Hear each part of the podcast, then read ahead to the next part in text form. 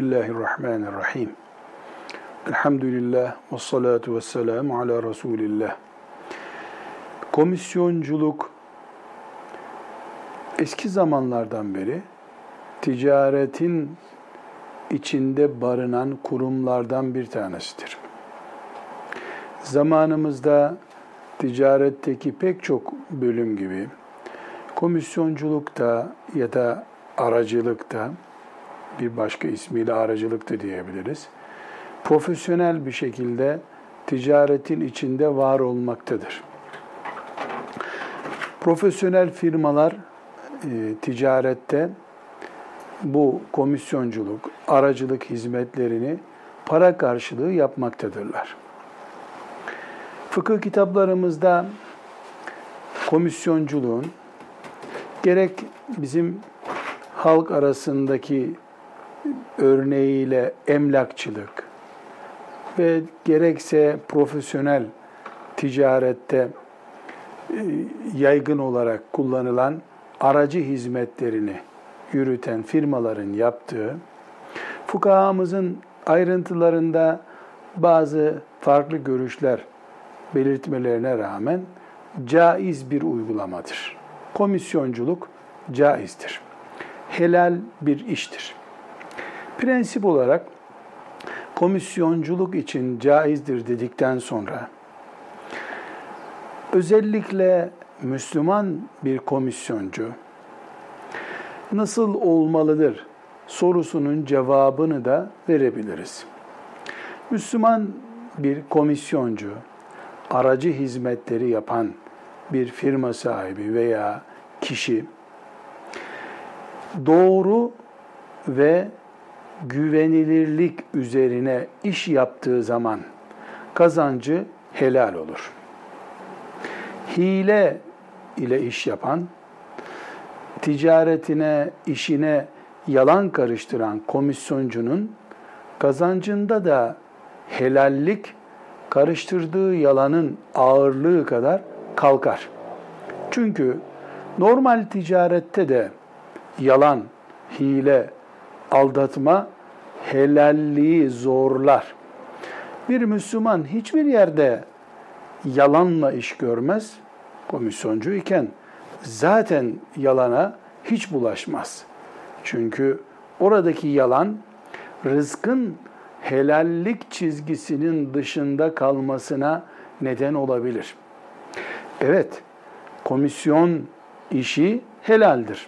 Ahmet bin Hanbel'in rahmetullahi aleyh bu konudaki iştihadını esas alan çağdaş fakihlerimiz komisyonculuk işi, aracılık hizmetleri yapmak helal kazançlardandır demişlerdir. Ama aracı işi, komisyon işi yapanların düşmesi muhtemel hatalar veya örneklerde insanların gördüğü hileler, yalanlar nedeniyle genelde bu işte itimat sıkıntısı çekilmektedir. Komisyoncu ne demek? Satılık bir arsanın satıcısı ile alıcısını buluşturan biridir mesela. Veya filan makineyi satan filan şehirdeki firma ile o makineye ihtiyacı olan filan şehirdeki sanayiciyi buluşturan birisidir. Bu tür komisyoncuya her iki taraf yüzdelik bir e, vaatte bulunabilirler. Mesela arsa sattığında komisyoncu, misal olarak kullanıyorum, bu rakam bir ölçü değil, e, yüzde bir satıcıdan, yüzde bir de alıcıdan komisyoncu pay alır şeklinde yani maliyetin, satışın veya başka bir ölçü aralarında nasıl anlaşılıyorsa bu peşin bir rakam olur. Pazarlık üzerinden de yürütülebilir. Yani ben sana şu rakamda bana şu kadar verirsen bulurum. Öbürüne de sen de şu kadar verirsen bulurum. İki taraftan da alabilir. Tek taraftan da alabilir. Komisyonculuk yalan, hile ve aldatma söz konusu olmadıkça caizdir. Caiz olmayacak bir örnek üzerinde duralım.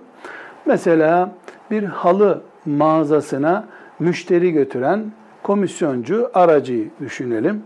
Alıyor müşteriyi e, bin lira değeri olan halının müşterisi olarak mağazaya götürüyor. Mağaza sahibi de getirdiğin her müşteri karşılığında sana 20 lira vereceğim diyor. Bu caiz bir iştir. Ama aralarındaki fiskos işaretiyle bu 20 lirayı satıcı alıcının maliyetine yüklüyorsa, yani alıcı burada tuzağa düşürülmüş oluyorsa, buradaki komisyon helal bir komisyon değildir. Neden? Çünkü sağ gösterilerek sol vurulmuş, müşteri tuzağa düşürülmüştür. Böyle bir sıkıntı yoksa komisyonculuk helal bir iştir.